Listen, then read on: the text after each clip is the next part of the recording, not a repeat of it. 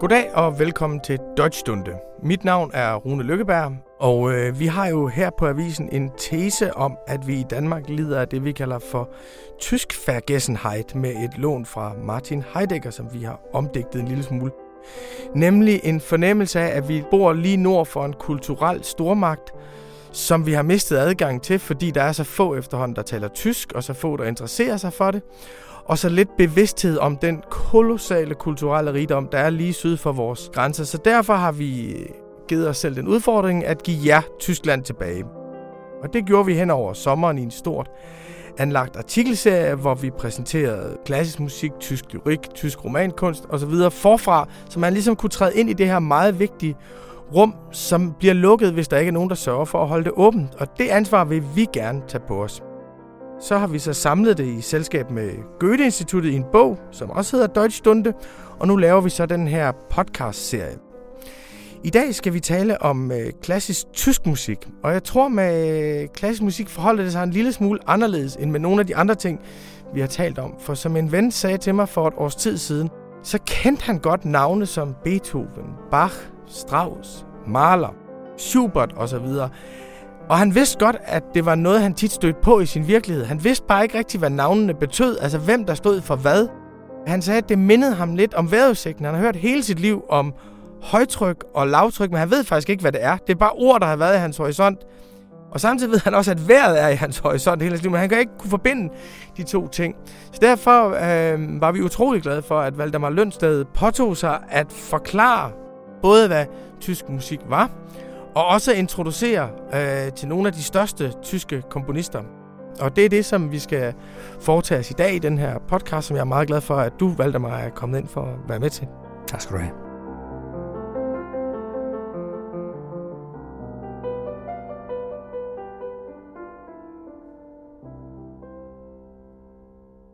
Hvis vi starter helt øh, forfra, giver det så mening at tale om noget, der er tysk klassisk musik? Ja, det gør det øh, i den forstand, at øh, den, det man måske med rette ville kalde klassisk musik, det er den musik, der blev skabt omkring 1760'erne frem til 1820'erne eller noget i den retning. Og det var omkring i Wien øh, med Haydn, Mozart, Beethoven og Schubert. Og øh, deres musik er ganske kort blevet opfattet som den mønstergyldige øh, kunstmusik i Europa. Og så var der så nogen, der fandt på det her ord, at den var klassisk. øh, så forstået som noget, som man kan vende tilbage til og, og tage frem og sige, se, det er det bedste, der er gjort. Gør det efter det her. Ja. Øh, og det har så mange forsøgt. Så er så ordet klassisk musik øh, i vore dage bliver det jo brugt om alt muligt, der har en violin og, og klaver at gøre, og det, øh, det er måske lidt dårligt. Men vi har ikke kunne finde noget andet bedre udtryk åbenbart, andet end måske kompositionsmusik, og det er sådan lidt, lidt tørt måske. Men altså klassisk musik, tysk musik, ja, det kan man godt tale om, og man kan, de her, øh, der var en øh, tysk øh, digter, E.T.A. Hoffmann, en, øh, en øh, tusind kunstner, øh, som skrev fortællinger, og fantastiske fortællinger. Han var også meget musikinteresseret og komponerede også. Han skrev en anmeldelse af Beethovens 5. symfoni i 1810, en øh, stort anlagt analyse, hvor han øh, som, som en indledning, meget lang indledning, skriver om Haydn, Mozart og Beethoven. Han laver en, rang, en rangorden mellem disse tre komponister, instrumentalkomponister, hvor han så sætter Haydn ind på bronze og Mozart på sølv og Beethoven på guldpladsen. Og øh, det, den der form for, skal vi sige, rangfølge, den har sådan forfulgt os siden, sådan er Haydn desværre blevet puttet lidt til en side, og Mozart, han svæver op under skyerne, og Beethoven er så den her meget øh, beundrede åndspersonlighed, som, øh, som giver budskaber til menneskeheden. Og øh, de tre komponister, især Beethoven, har jo inspireret generationer på generationer i det spor, som vi kan kalde klassisk musik. Så er der noget omkring øh, Tyskland, for der er jo flere af dem, vi har med her, eller som du har taget med her, som vi i dag ikke vil kalde for tyskere. Hvordan hænger det sammen? Ja, det hænger sammen med, at den tyske kultur var jo ikke begrænset til det, vi forstår som Tyskland i dag. Det er jo en, en nyere konstruktion fra 1871, da det tyske kejseri blev samlet. Tyskland, i den her forstand med ja. det er det tysksprogede område i, i uh, Centraleuropa. Og det vil sige, det er også det østriske kejserige og dets provinser over mod øst, det vil sige i Bøhmen og, og Mähren og Ungarn, der talte man tysk, fordi det var under tysk øh, herredømme og administration. Og det vil sige, den tyske kultur øh, blomstrede der. Og alle disse personer, som levede i dette kæmpe, skal vi sige, øh, kulturelle område, de rejste jo ud og ind og blev uddannet her og, og, og spillede der og så videre, og påvirkede hinanden. Man kunne faktisk godt sige, at Danmark også var i før 1864 var en del af det tyske rige med vores hertugdømmer, hvor der kom mange tyskere op og påvirkede vores kultur herop. Der er ikke anden tyskere, der laver dansk musik i 1800-tallet, så at sige, eller lidt før. Øh, så det er, det, det er tysk musik, det er østrisk musik, det er bøhmisk musik, det er, det er sådan set også dansk musik, kunne man sige. Vi har jo så bedt dig om at vælge fem komponister ud, og så har du lavet en liste efterfølgende med, mm. med, med anbefalinger. Ja. Og øh, på sin vis så er det jo umuligt at sige, hvem der er den største, men du placerer alligevel Johann Sebastian Bach øh, på toppen. Ja. Øhm, hvorfor har du gjort det? Jamen, hvis, hvis de andre er sådan bjergtoppe i alberne, så er han Himalaya. Ja. Ganske simpelt. Og det skyldes, øh, at han kombinerer, kan vi sige, alle de elementer, som øh, den store musik er bygget af. Og det vil sige øh, øh, håndværk, fantastisk godt håndværk, og øh, øh, store visioner om øh, altså værker, der, der har en lang rækkevidde. Øh, øh, og øh, ja, og så er det så i dybden. En, øh, en dybde, som øh, jeg mener ikke, jeg kan ikke komme på nogen andre komponister, der, der går så dybt ind i sjælen som Bach. Og det er uforklarligt. Som Albert Schweitzer, øh, den berømte Bach-forsker og organist og humanist, skrev vi tilbage i begyndelsen af 1900-tallet. Øh, man kan nok ikke begribe ham uden at gøre det gennem hans religion.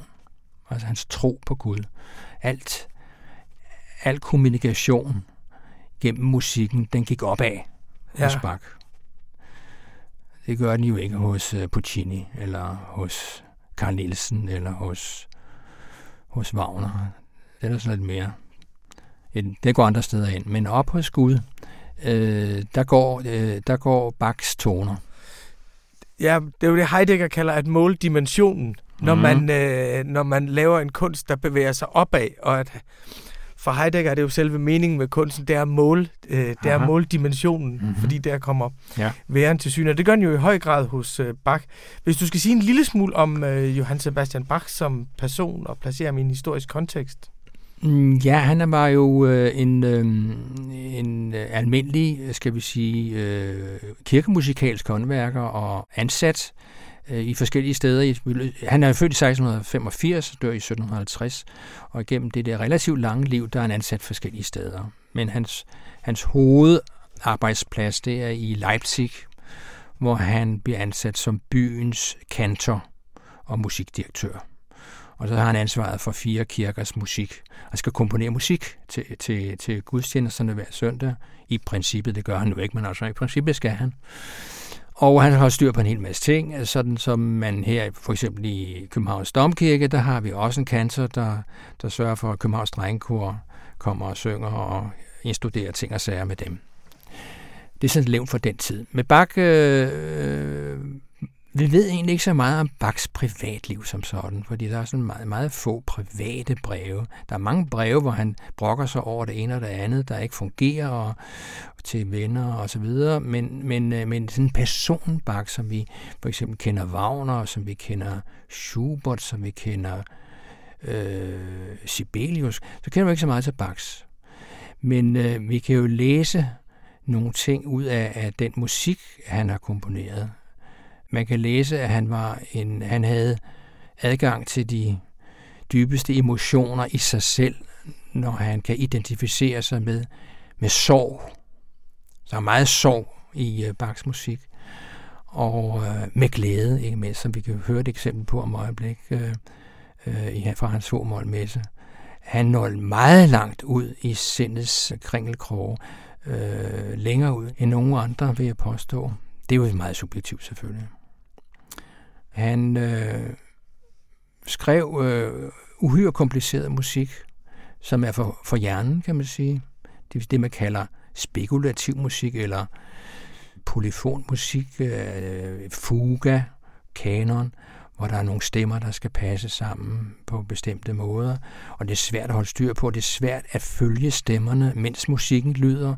Det er som man hører øh, fire mennesker for eksempel tale sammen på samme tid, så kan man, kan du ikke lige tige stille derovre, fordi jeg kan ikke høre, hvad han siger derovre. Det bliver man nødt til at øh, indstille sig på, at der er fire, der snakker i munden på hinanden. Men det, der kommer ud af det, er jo en syntese, det er jo en fuldkommen øh, alkymi, at, øh, at øh, en, øh, en øh, firstemmighed kan komme til at blive opfattet som en enhed.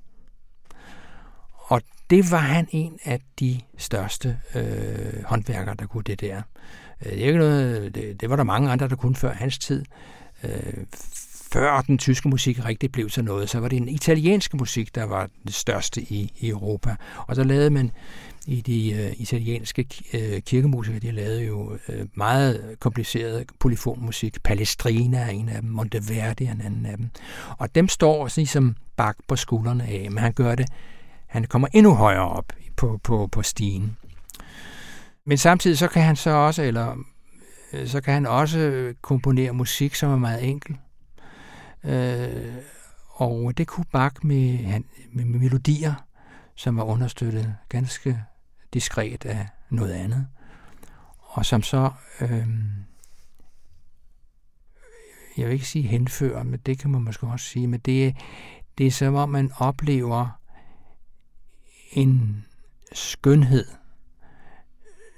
som i vores tid jo er meget sjældent at opleve. Fordi ja. det, hvad er skønhed i dag? Det, må jeg sige, det er, det er sgu meget relativt. Ja, spørgsmålet er, om skønhed overhovedet er et ideal i dag. Ja, men det der med mu- musik, der, der i virkeligheden føjer sig ind i sådan en fuldkommenhed, en strålekrans af en eller anden art, som, som ikke er kitschet, ikke er banal, ikke noget, vi har hørt før, men som faktisk står hele tiden klassisk. Noget, der bliver ved med at have den samme udtrykskraft. Det kunne Bakker altså producere. Du skriver også i, øh, i øh, ja, nu kalder jeg det så for bogen, men oprindeligt i avisen, ja. at Bach ikke var nogen stor fornyer, at han er snarere ligesom, øh, at hos ham er der en tradition, der kulminerer eller at han fuldbyrder barokken. Ja. Man kan sige, at på hans tid, der begynder der allerede at ske noget andet. Musikken udvikler sig andre steder til noget nyt, til det, det vi kalder øh, klassisk, øh, den klassiske periode. Først begynder så er noget, der hedder rokokomusik, og, og så bliver det mere, øh, skal vi sige, nogle andre former, der tager over, og øh, man går væk fra de her strenge opbygninger, som Bach dyrkede med fuga og kanon. Det bliver mere tilgængeligt, fordi der er et nyt publikum, der opstår i den her oplysningstid, det borgerlige øh, borgerskabet jo øh, okkuperer mere eller mindre efterhånden øh, koncertsalene, øh, der, som opstår. Og, og det adelige publikum er der stadigvæk, men det er jo ikke det, der er det, det vigtigste, fordi det er nu pengene hos borgerskabet, man skal have fat i. Ja. Øhm, og derfor bliver musikken også anderledes. Der bliver mere underholdende. Der bliver mere sådan opsigtsvækkende. Øh, og øh, det er for at sige det meget generelt. Det ja, ja, ja. ikke nok ud på mig, der er mange nuancer i det. Øhm, så, og det, det begyndte der, da Bach var i sin gamle dage, så han var, han var blevet måske sådan lidt øh, gammeldags og lidt reaktionær. Øh, Men altså inden Bach tog fat, der var der jo, så må vi tænke på, samtidig med ham fra 1685, der er jo Hentel født, og han ja. har en helt anden karriere. Han er ligesom med, mere med på vognen. Ja. Han komponerer opera, italienske opera i London, og han komponerer oratorier med Messias og Saul og Judas Maccabeus, og jeg skal komme efter dig.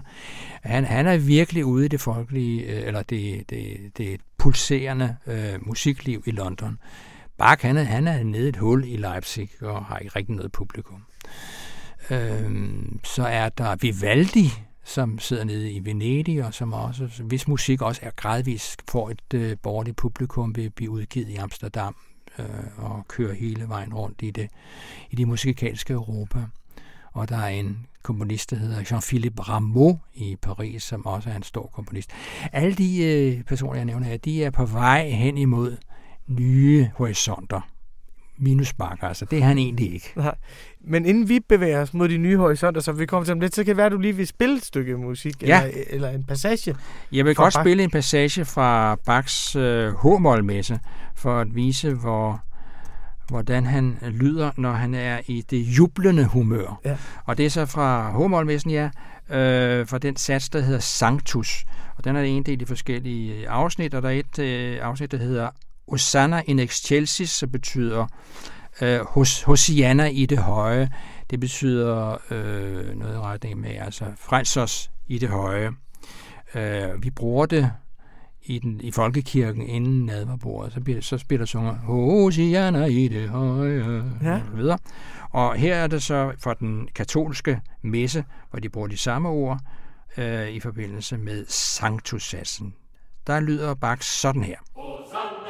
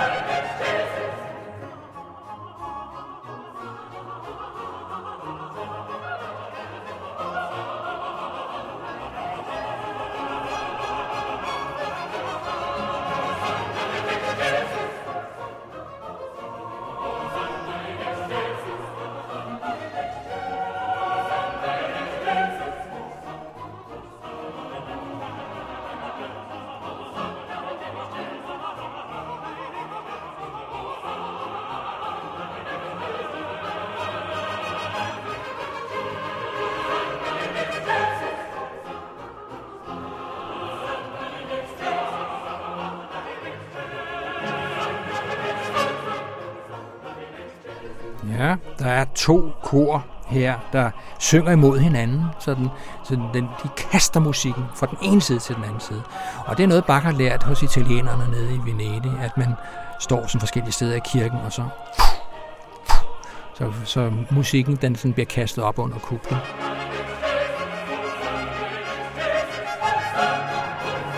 Og så er der trompeter med, som øh, understreger den her lyse, jublende karakter.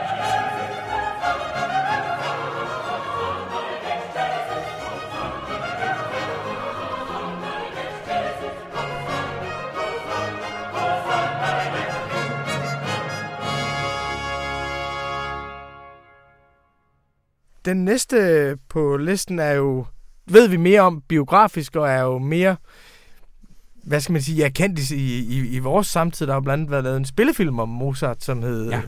som hed Amadeus, og som mm. vi godt kan sige var en populær øh, ja, for søren, den var populær. spillefilm. Ja. Fortæl om Mozart.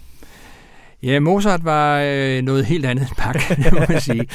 Han var, han var jo en, en mand på det rette sted, ikke? Øh, på, på, på, i den rette tid. Ikke? Han, han, hans talent var jo lige præcis der, øh, at lave musik til den tid, og det sted, Wien. Uh, han var vidunderbarn, rejste rundt med sin far som sådan en slags dresseret abe, og spillede violin og klaver og så videre. Det var så det var. Han komponerede en hel masse, fordi han lærte hurtigt. Han, det var af trækpapir, ganske simpelt. Han, han lærte så meget af at rejse. Og så havde han selvfølgelig et stort talent, men da han var voksen og var træt af at arbejde under ærkebispen i Salzburg, hvor han var ansat og skulle passe sit arbejde, ligesom hans far havde gjort det. Øh, da han var træt af det, så rejste han til Wien for at leve som fri kunstner. Den første, der begynder sådan at tænke på, at jeg vil ikke have en arbejdsgiver, som bestemmer alt, hvad jeg skal gøre, men nu vil jeg selv bestemme, til en vis grad i hvert fald. Og de 10 år fra 1781 til 91, hvor han dør, det er jo en helt fantastisk øh, eksplosion af, af kreativitet. Øh, opera, klaverkoncerter og jeg ved ikke hvad, alt muligt, som vi kender ham fra i dag. Og øh, nu er opera meget, meget populært i vores tid, og øh, der er jo ikke den opera-direktør, der ikke gør reklame for sit, for sit cirkus. Og, og øh, det er måske ikke sådan, at Mozarts opera er, er det, man først tænker på, når man snakker opera i dag. Men jeg synes, hvis jeg skulle vælge noget, der var det bedste, så er det Mozarts tre operaer. Øh, Figaro's Bryllup, Don Juan, og så en, der hedder noget på italiensk, Così fan tutte, som betyder, sådan gør de alle, underforstået kvinderne. og øh, de har den samme librettoforfatter, altså samme tekstforfatter, der hedder Lorenzo da Ponte. En fantastisk operasnikker, kan man kalde ham. Øhm, og over, øh, blandt de tre vil jeg så vælge Figaro's Bryllup, fordi med, med, øh, med Figaro's Bryllup, der laver der skaber Mozart et øh, næsten fuldkomment øh, øh, musikdramatisk værk, som måske ikke er dybsindig som Bach, men det er meget menneskeligt. Mozart er en utrolig menneskelig komponist. Han, han, han kan fremstille sine personer som virkelig karakterer, vi forstår og kan identificeres med. Det er ikke guder og, og dværge som hos Wagner. Det er, det er mennesker, selvom de er fra 1780'erne, øh, så, så, så er det noget, vi forstår. Vi forstår noget om at være forelsket, at være liderlig, at være ond, og være begærlig og alt muligt. Alt det kører øh, på bedste beskub i vores tid også. Og, øh, og det han så kan, det er det der, at han kan, han kan skabe musik til disse karakterer så de står som en musikalsk enhed og øh, identitet. Og, og det, så han så kan yderligere, det er, at han kan sætte dem sammen og lade dem synge samtidig, og vi kan høre og se, at der er forskellige personer. De synger ikke bare den samme som i kor, men de synger hver deres ting øh, med, for, for deres måde. Og det, det er der ikke nogen andre, der har kunnet indtil Mozart, og der er heller ikke nogen, der rigtig har kunnet øh, gøre ham rigtig efter. Øhm, og denne opera, Figaro's Bryllup, det er jo i virkeligheden et revolutionsdrama øh, fra Paris øh, af den franske øh, dramatiker Beaumarchais, som, øh, som jo lavede sådan øh, samfundskritik med sine øh, teaterværker. Øh, og det, den tog, det tog de så øh, meget øh, modigt i Wien, øh, da Ponte og Mozart og gjorde til en opera, og det var ikke velset det kan vi jo huske fra Amadeus-filmen. Præcis. At der begyndte de jo at rive musikken ud, fordi øh, de vil, at, at de her kollegaer til Mozart, de vil jo øh, ikke have ham til at komme til fadet, så de vil obstruere det på alle mulige måder. Men alligevel, så, så blev den jo opført, og det fik faktisk en stor succes. Øh, det, er, det, det han så han hiver måske det politiske Beaumarchais politiske budskaber ud af det. Uh, man kan godt høre en hel del revolution i, i Figaro, men, uh, men det er jo ikke det, der er hovedsagen. Det er, at det er en komedie, som, som undertitlen hedder den La Folle Journée, den tossede dag. Og den er ved den søde grød tosser. Det er meget svært at fortælle, hvad det handler om, ja. men man skal bare se det, og man skal høre det og så forstår man det et eller andet sted. Man behøver ikke at kunne referere, når så sker der det, så sker der det. Men det, jeg lige vil referere her, det er det, vi skal høre. og det er fra anden akt, hvor øh, greven er, er sur på øh, sin kone, fordi øh, Mm, han, øh, han tror, at hun er ham utro med en lille, sådan en lille øh, mønding, han har, der er kun 15 år. Kirubino hedder han. Og han er sådan strutter harmoner, og han går på hvilken som helst pige og skørt, han kan nu få øje på. Og så tror greven, at, at, at der er noget med, øh, med hans kone der. Og øh, øh, så er den her Kirubino, han er blevet anbragt i sådan et sidekabinet, der er låst af, og, og greven øh, tror, han er derinde, og så vil han ud og hente en eller anden form for økse for at banke den her dør ned, så han kan se. Og tjenestepigen, Susanna, hun er i virkeligheden hovedpersonen i hele operaen. Øh, hun er den der, der virkelig øh, trækker i trådene, og, og, og hun sørger sig for at låse Cherubino ud af det her sædkabinet, og så skal han fjerne sig, og springer han ud af vinduet, bum, bam, og så går hun ind i stedet for øh, sådan i det her sædkabinet, så greven han bliver snydt. Du kan også se, hvor svært det er at fortælle, ikke? Jo, det, ja, det nå, er... Det, Men i hvert fald, øh, vi skal høre, hvordan Mozart i en lille scene, øh, hvor greven er gået og låst døren og så videre, og går efter sin økse, og så låser Susanne øh, Gerubine ud, og så er de sådan på tiptog hele tiden sådan her. Og Mozart komponerer musikken helt op, altså hjertet sidder helt op i halsen. Og hvad skal vi gøre? Hvad skal vi gøre? Nej, hold nu hovedet godt.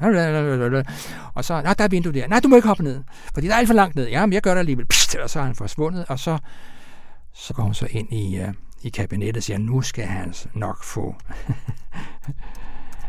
sig en overraskelse. Ham der, den dumme greve, som i virkeligheden vil i seng med hende. Og det skal hun også prøve at undgå. Nu skal jeg høre.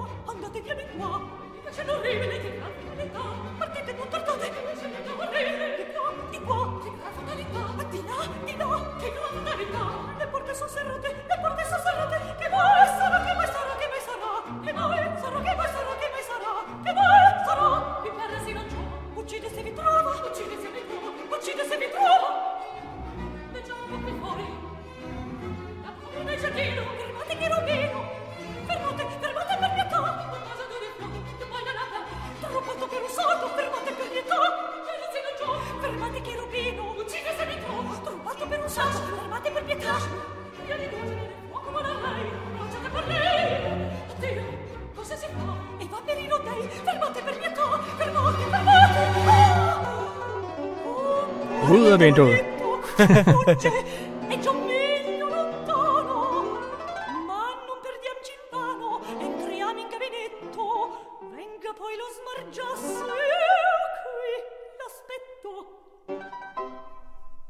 Sådan. Der er jo et stort skift fra Bach, som du kalder for en håndværker, og mm. som orienterer sig opad, Mm. og så fra Mozart, som vel er på en eller anden måde moderne arketype på først vidunderbarnet, geniet, Mm. og bagefter den frie, uafhængige kunstner, Mm. og som hvis kunst jo på en eller anden måde er mimetisk. Altså, hvor Bach, det er noget, hvor du skal kigge opad for at kunne se det, og nærmest træde ud af vores almindelige virkelighed, så er, øh, oplever jeg Mozart som en, der også afdækker noget i vores menneskelige virkelighed, som en opdager af menneskelige passioner og så videre. Fuldstændig rigtigt. Det er det, han gør. Det er det, øh, Figaro faktisk handler om. Det er hele tiden den afdækning. Det er en maskepi, hvor man kan sige, maskerne efterhånden bliver fjernet, ikke? Til allersidst, hvor, hvor, hvor greven må give op og beder om undskyldning.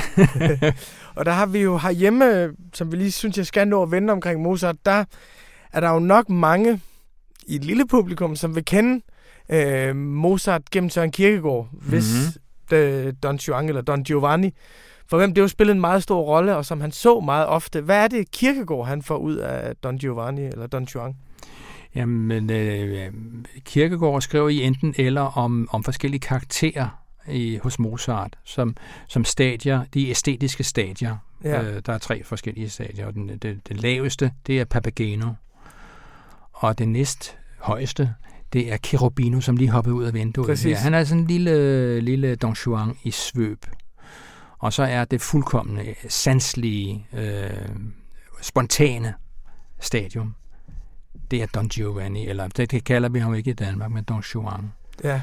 Og øh, det er jo en ufattelig godt skrevet øh, øh, indføring i, i, i de der karakterer og de, øh, øh, hvad skal vi sige, de filosofiske udgange, det kan have. Øhm, hvor han jo slutter med at skrive, hør, hør, hør, hør Mozarts Don Juan.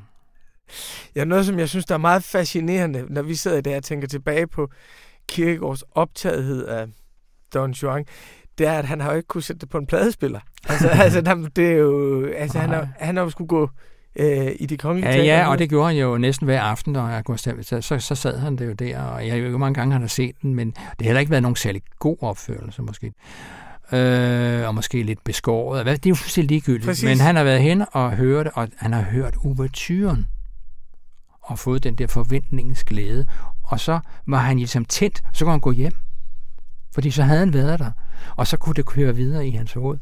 ja, det, men det, det er en sjov ting, synes jeg, at han har, at vi læser det jo som om, at det er det samme, vi har hørt, men det er en helt andet erfaringsrum, han har haft for det. Fuldstændig. Han har skrevet, der bliver man forbløffet over, ja. synes jeg, så gode hans læsninger faktisk er. Ja.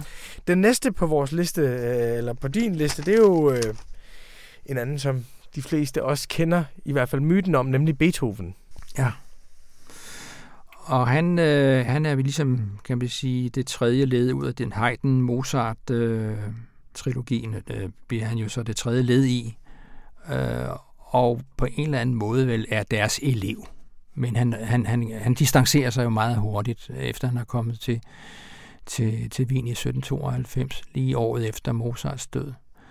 Og øh, er en, jo en bullerbasse uden lige. Altså han, han er ligesom en elefant i en glasbutik. Der sker virkelig noget, når han er i salongen og spiller. ja. Og øh, hans øh, ærne og budskab, det er jo at frigøre, frigøre sig fra alle bundne regler og normer. Altså, så vidt han nu kan.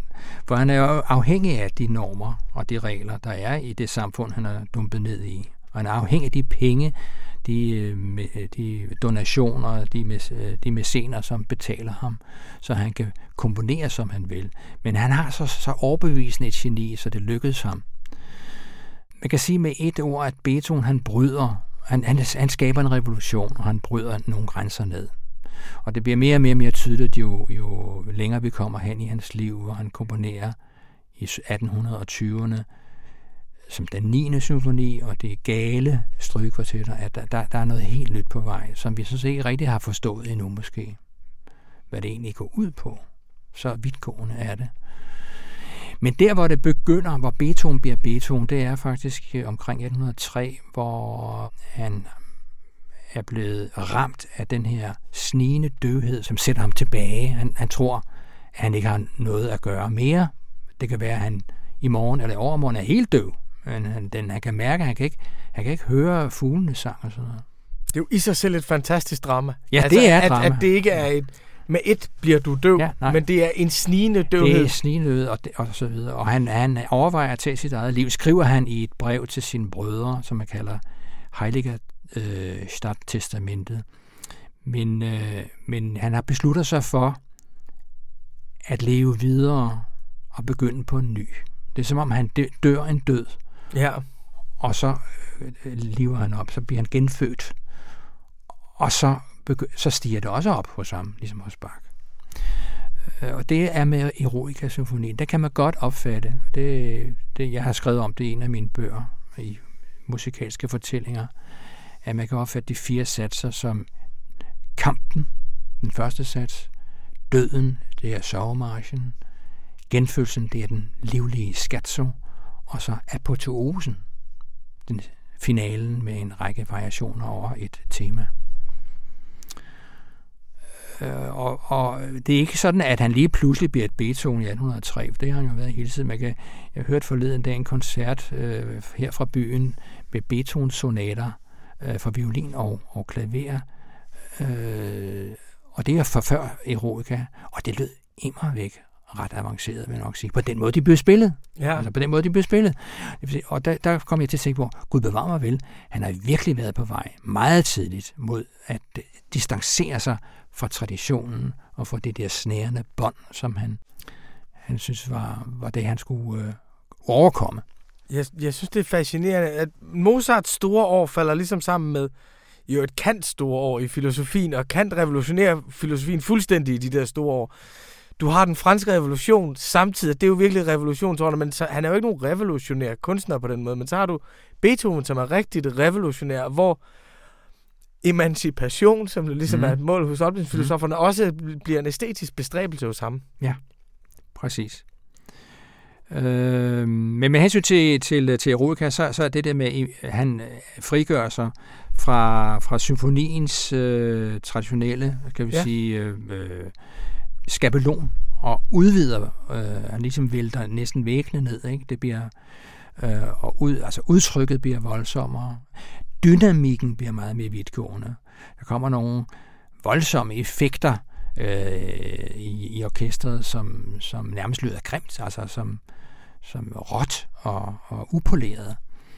Og så er der så øh, den lange øh, sørgemarsch, og den her vanvittige virtuose scherzo, og så den her øh, variationssats, som også går hen i alle mulige former for store udtryksrum. Øh, øh, nemlig som en, en, en uendelig række af forskellige former for forandringsprocesser. Ja. ja. Vi skal høre lige øh, starten af, af, af, af symfonien, som den øh, lyder på instrumenter fra den tid, Beethoven levede.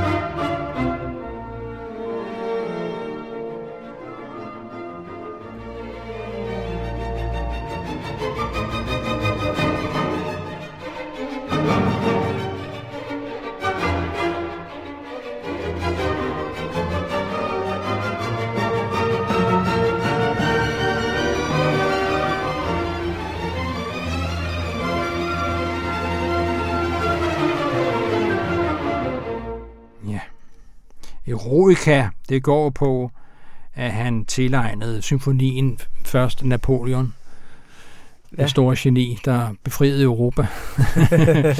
og så... Øh, og så da Napoleon lod sig krone til kejser, så, så blev jo Beethoven tosset og, og ændrede det til bare at øh, til mindet om en stor person. Øh, og det der med det heroiske, det er jo det, som øh, det er den periode i hans liv, hvor han, hvor han hylder dette, dette heltebegreb. Øh, det får han overstået på et eller andet tidspunkt, men øh, alle de store symfonier, som vi kender fra vores tid, sådan skæbne symfonien og øh, den syvende symfoni og, og så videre, og kejserkoncerten og alt det der, øh, det er inden for den her periode, hvor man har sådan en anden form for dyrkelse af øh, eneren, af geniet, øh, af helten. Det er en, synes jeg, altid interessant pointe, at det, som vi ligesom politisk finder dybt problematisk, at det kan være ekstremt æstetisk øh, produktivt. Mm-hmm. Den næste, som øh, vi har taget med, er der nok... Jeg vil gætte på, at der er mange, der trods alt har hørt Vinterrejse. Det er nemlig Schubert. Mm-hmm. Hvor, hvorfor har du taget Schubert med her? Jamen, det er fordi, jeg sætter ham meget højt selv. Ja. Det er jo en subjektiv kanon, det her. Jeg fik jo besked på, at du skal, det er dig, der bestemmer. Du skal ikke tage hensyn til nogen som helst. Og det har jeg heller ikke gjort. Øh, jeg har skrevet en stor bog om Schubert, så jeg kender ham meget godt, synes jeg. Og jeg må nok sige, at det kan godt være, at Vinterrejse hører så mange, men det er jo ikke nemt at høre på. Det er jo 24 sange, der er ret deprime, vil jeg sige. Altså, efterhånden bliver det meget depressivt og øh, man skal stå en time igennem, ikke? og så skal du også øh, vide, hvad det går ud på. Du skal kunne teksten. Øh, det, det, ideelt set skal du vide, hvad det går ud på. Ja. Og øh, det er noget af det sidste, han skriver i sit korte liv. Øh, men inden da, der skriver han jo en bunke musik, og det har været ligesom min mission med at skrive den bog, det er at fortælle, hvor meget kvalitetsmusik Schubert har skrevet i alle mulige andre genrer om det er kammermusik, klavermusik, øh, teatermusik osv. Det behøver vi ikke snakke om. Men, men øh, der er ingen tvivl om, at Vinterrejse måske er toppen. På den måde, at, øh, at der er ikke nogen, der når øh, Schubert øh, inden for denne genre, der hedder Lieden, i de her øh, 24 sange. Til digte er en tysk digter, der hedder Wilhelm Müller fra Dresden. De mødte ikke hinanden, men Schubert øh, læste mine i sådan et almanak, fik han fat i de her digte. Og øh, det handler om en person, som vi egentlig ikke rigtig ved, hvem er, men vi kan forstå, at personen er blevet svigtet, en mand, der er blevet svigtet i kærligheden, og så drager han bort fra sin elskede hus, og så drager han ud i vinterlandskabet.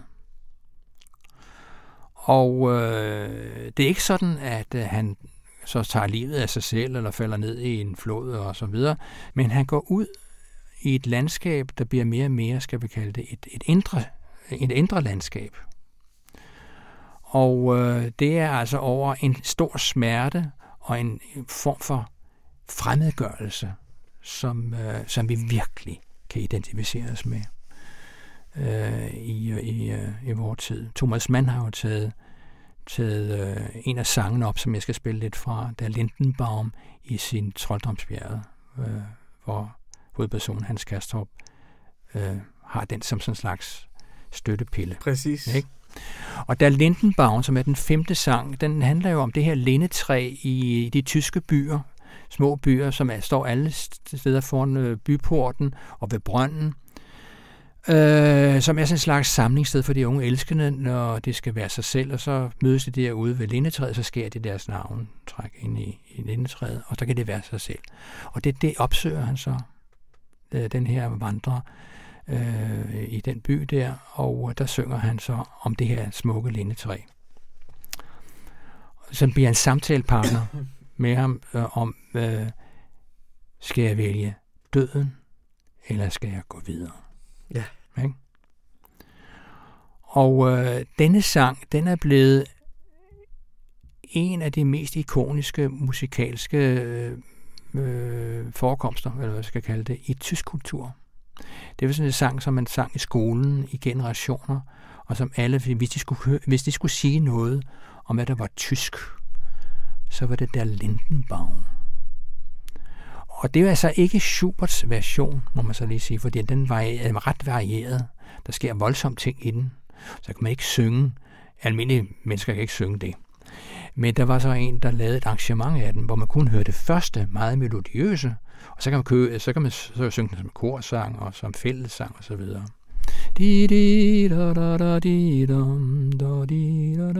Meget lyrisk og så videre. En nostalgisk øh, drøm om dengang jeg stod med min kæreste her ved lindetræet.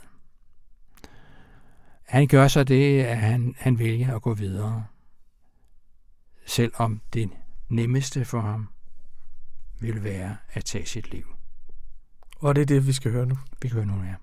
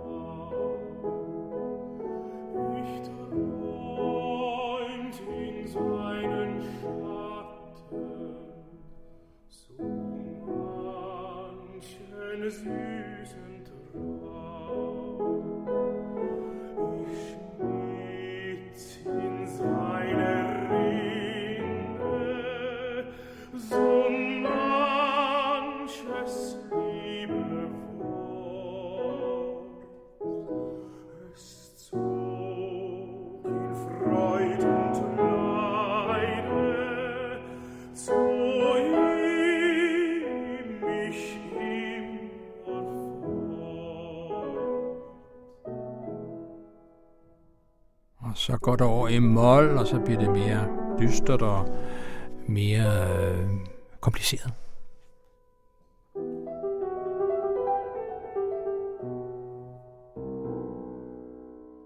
Det er altså øh, en, en sang, som, øh, som står som sådan et tysk kulturarv, og vil gøre det sikkert i mange, mange, mange, mange år endnu. Så det var godt, vi fik den med her i vores Deutschstunde tema. Man kan jo også, altså, Schubert tror jeg er tilgængelig for mange, fordi han laver melodier. Mm. At det er ligesom et univers, folk kan træde ind i. Det er en anden, det er selvfølgelig en anden tonalitet, men, men det er trods alt noget, man kan identificere sig med. At det er en, det er, vi har udviklet receptorer for den type æstetik. Det tror jeg, de fleste faktisk har i, øh, i vores kultur. Og så kan det ligesom tage en sind med nogle steder hen, hvor man ikke plejer at være. Man kan blive, øh, man kan blive pludselig melankolsk, uden man har opdaget det.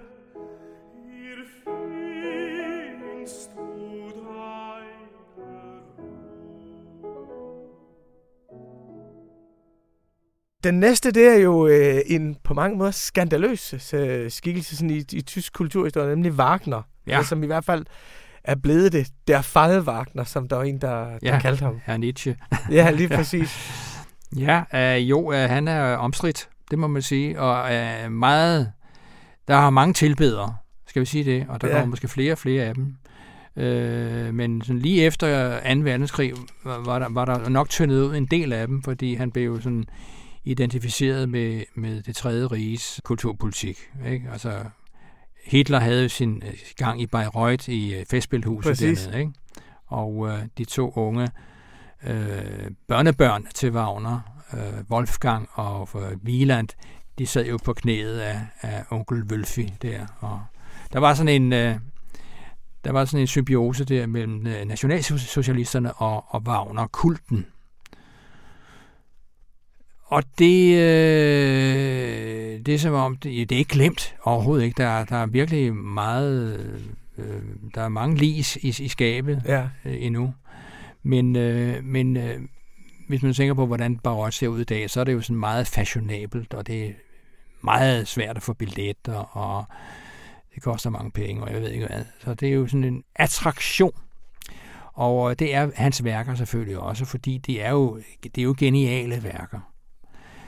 Men det der med det omstridte, kan man sige, med Wagner, det er jo hans forhold til øh, sig selv, med, hvor han ligesom sætter sig over, så at sige, alt andet. Den eneste, der kan spilles i, øh, i festspilhuset, som han lod bygge, det er jo kun Beethoven. Og så er det ikke kun Beethovens 9. symfoni. Og sgu ingen andre, der får lov til at løsne et skud inde i det, i det der hus der. Det er kun hans egne værker.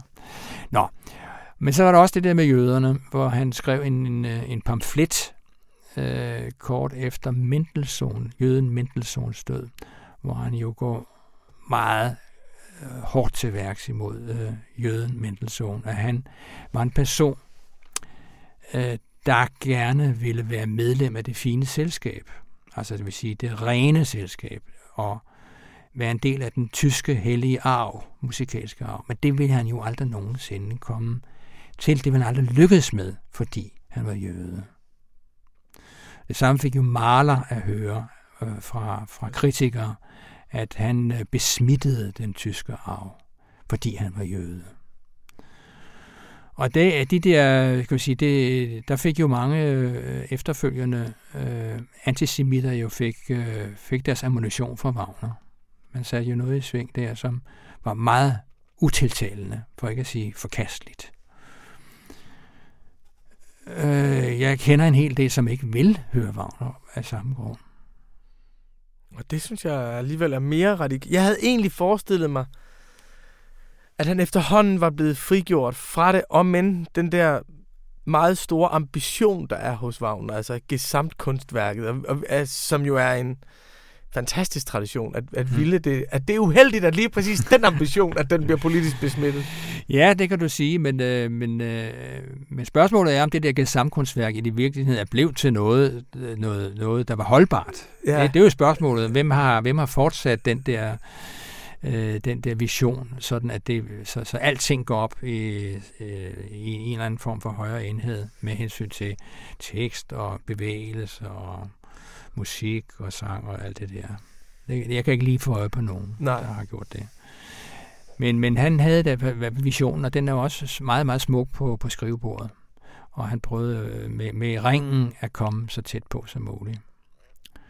Hvad skal vi høre? Vi skal høre, altså det, det man kan rose øh, Wagner for, det var hans, øh, hans geniale øh, omgang med orkestret. Han, han var en fantastisk øh, orkestrator, eller instrumental, instrumentator.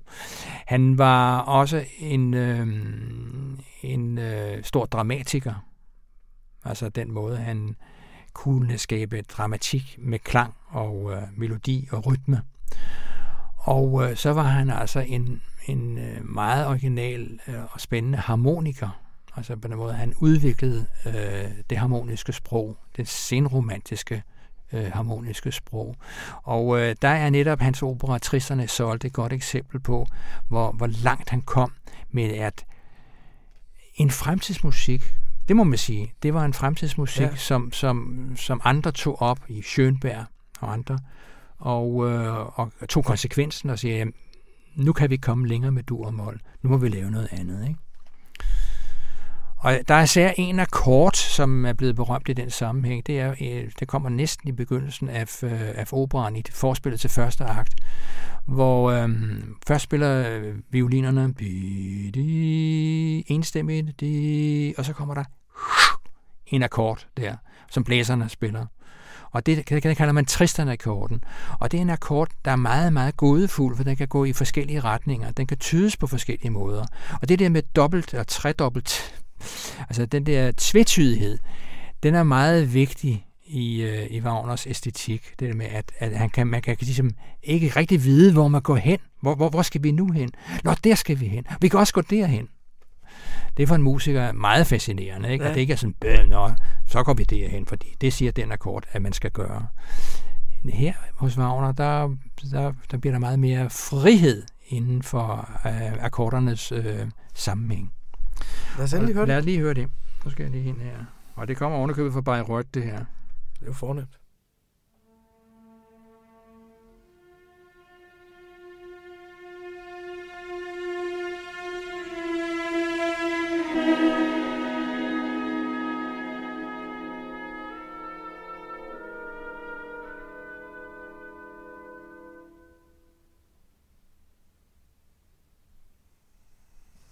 Kommer det en gang til?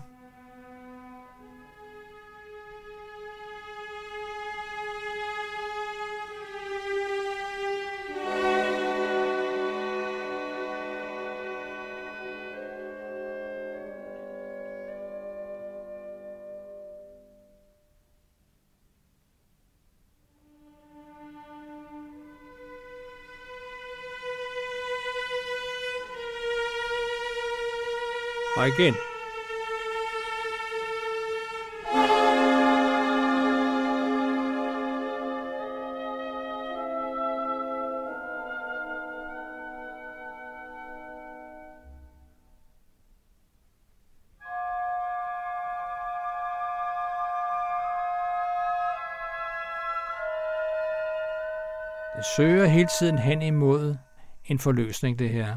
Og det kommer der om et øjeblik.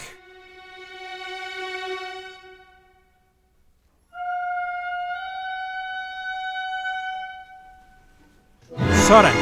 Så fik vi forløsningen.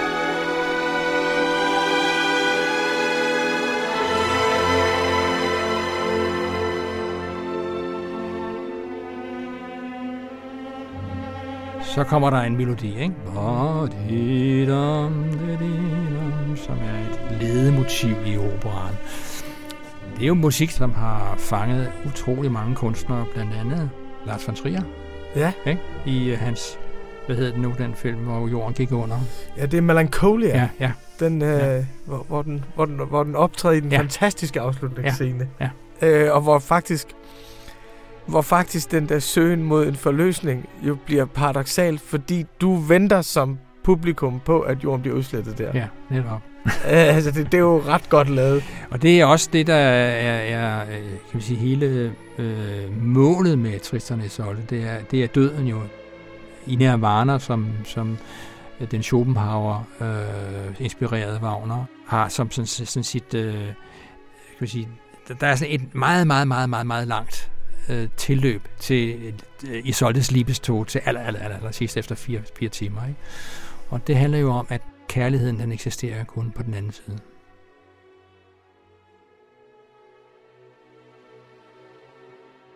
Vi skal lige her til sidst, vi skal også lige nå forbi den, øh, den sidste, du har taget med, nemlig øh, Strauss. Ja, jeg har ikke taget noget musik af ham med. Nej. Men, men øh, ja, ham har, øh, ham har jeg jo taget med, fordi jeg blev bedt om at finde en komponist, som måske ikke var så... Øh, som jeg synes var overvurderet. Ja. Og øh, det var ret hurtigt, jeg fandt ud af, at øh, for mit vedkommende må det være Richard Strauss, som øh, var det Das Wunderkind i starten af det 20. århundrede. Han var alle tyske øh, operahuses øh, øh, kæledække og øh, også orkestres, fordi han lavede en fantastisk øh, masse orkesterværker, tonedigte, der handlede om forskellige ting. Og han var også en stor operakomponist. Men i mine ører, og sådan efterhånden, så er jeg blevet noget ældre og interesserede mig meget mere for hans samtid, nemlig Gustav Mahler. Ja. Så, så, så, går, så, så, så falmer hans, øh, hans kvaliteter i mine øjne.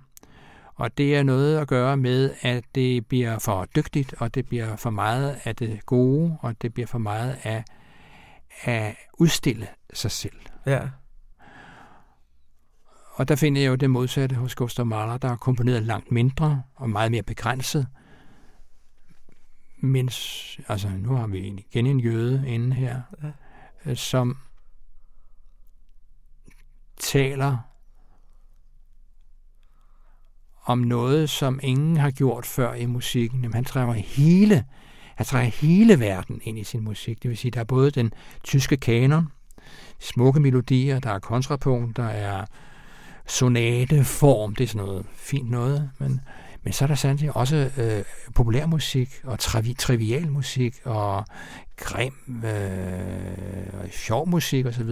Altså han, det, han skældner ikke egentlig rigtigt imellem høj og lav musik. Det gør han selvfølgelig. Men altså, han bringer det hele sammen. Ja. Og det gør, at vi kommer til at opleve et helt andet, øh, en helt anden virkelighed. Og en helt anden historie, der bliver fortalt omkring dette at være menneske. Og dette, der er menneskets vej igennem livet. Den er noget mere nuanceret end hos Bach, kan man sige. Det er bare kampen mellem det gode og det onde, og så videre, og så videre. Men hos øh, Mahler er det jo øh, hverdagslivet, og det er også forholdet til Gud, og det er forholdet til naturen, og, og øh, som, som på en eller anden måde bliver sådan et livsværk, der, der stod, der, der, der, der, der ikke rigtig kom i gang, mens han levede, øh, hvordan han ville opføre det. Og så, som han selv sagde, som jeg har skrevet i den der artikel, jeg har skrevet om, om Strauss. Min tid vil komme, sagde han. Når hans forbi, når, når Rikard Strauss tid er forbi, så vil folk forstå, hvad det er, jeg vil med min musik. Og jeg synes, at han havde ret. Hans tid den kom fra 1960 og frem efter, da gramofon, stereogrammofonpladen, den blev om som rigtig lanceret, så folk i deres stuer kunne sidde og høre disse meget øh, velkomponerede symfonier med deres mange forskellige lag og virkninger. Øh, dybdevirkninger, altså noget med langt tilbage, noget i midten, noget helt fremme. En sådan helt anden form for at komponere end bare sådan en flade. Plus altså, at man så fik øh, i sin stue et øh, symfoniorkester ind, der kunne øh, jage en helt ud på toilettet. Ikke? Så, så fantastisk Øh, øh, voldsomt kunne det være. Og det er også vores tid, der selvfølgelig er efter den slags musik, at vi kan godt lide kæmpe orkestre, vi kan godt lide en stor lyd, vi kan godt lide de store følelser. Og det repræsenterer både Mahler og Strauss, men, men jeg synes, at Mahler har, altså har nogle dybere øh, lag, end Strauss har. Her til sidst, Valdemar, der har jeg jo spurgt alle hvis min datter på 15, som gerne vil dannes intellektuelt og æstetisk i den her verden, der spurgte, hvad, hvad vil man anbefale hende? Hvor skulle hun starte med klassisk tysk musik? Ja, altså, jeg synes, det er godt at starte med, øh, med det største, der er, med Bach. Og så øh, øh, høre øh, bare nogle satser fra, fra Goldberg-variationerne. Høre ære fra den øh, øh, tredje øh, orkestersuite, som er en, en eventyrlig smuk sats. Høre for eksempel øh, det, som jeg lige spillede her. Sådan ja. en sats der, hvor, hvor det funker og funkler og stråler, og hvor man bliver overvældet over al den, den hyldst og den jubel. Det der med at juble i musik, det er jo noget, som ikke rigtig kan lade sig gøre andre steder på samme måde, vel? Musik kan juble øh, og udvide vores egen brystkasse, vores eget rum, så vi føler os større, en del af noget større. Men det vil jeg rigtig gerne give til hende. Og jeg synes også, der hos Bach er noget, hvis ikke du får det der, så får du det faktisk ikke andre steder. Altså du kan sige, der er nogle kunstarter, men så er der nogle andre, der udtrykker det. Mm. Men hvis du ikke går ind i det rum, så får du det faktisk ikke. Det er en dimension, der forsvinder. Tusind tak for, at du kom, Valdemar. Og så siger jeg tak øh, herfra, og jeg skal huske at sige tak til Goethe-instituttet, som har været med til at gøre det muligt, at vi har kunne lave den her serie. Tak for nu.